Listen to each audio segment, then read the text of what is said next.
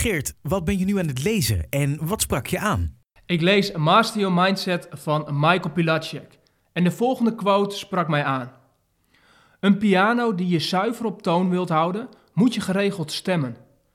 De snaren raken ontstemd door invloeden van buitenaf, de temperatuur en de vochtigheid. Die conditioneren de piano. Denk eens aan je spieren. Hoe langer je die niet gebruikt, des te moeilijker het is om je lijf in beweging te krijgen. Gedachten zijn de spieren van de geest. Als je denkpatronen al lange tijd in een verkeerde stand staan, zal het tijd en training kosten om die weer flexibel te maken en om te kunnen buigen. Waarom sprak juist dit jou zo aan? Nou, wat Michael Pilacek hier beschrijft, hielp mij altijd om uh, je mind en je gedachten uh, serieus te nemen. Door het te zien als spieren.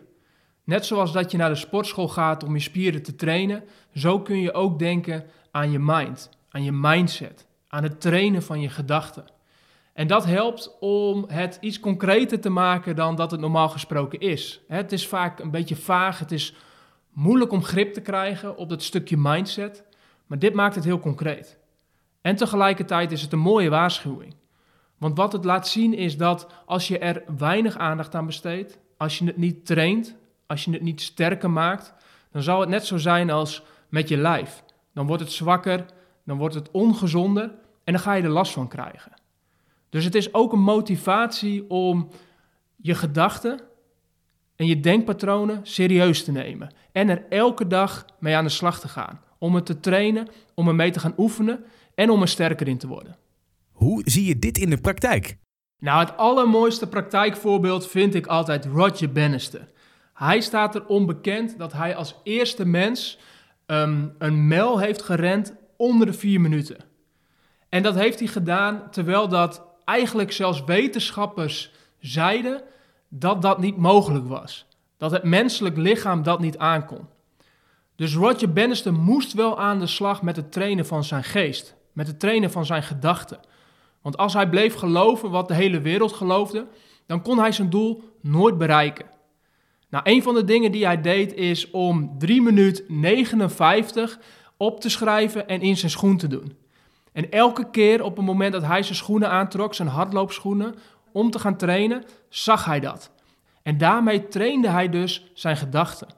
Daarmee zorgde hij ervoor dat hij gericht was op datgene waar hij in geloofde. Maar ook dat hij um, ervoor zorgde dat het positieve gedachten waren op elke dag dat hij ging trainen. En dat is een prachtig voorbeeld dat naast de fysieke training die het nodig was, er ook absoluut een mindset training nodig was. Een mentale training. En dit is een extreem voorbeeld. Maar ik denk dat dit voor ons allemaal geldt. Naast het werk wat je doet, fysiek, het uitvoeren van taken en activiteiten, is het zo enorm belangrijk om ook je mindset te blijven trainen. Om bewust te zijn van je gedachtenpatronen. Om bewust te zijn van dat wat je denkt en te kijken hoe je dat in je voordeel kunt gebruiken.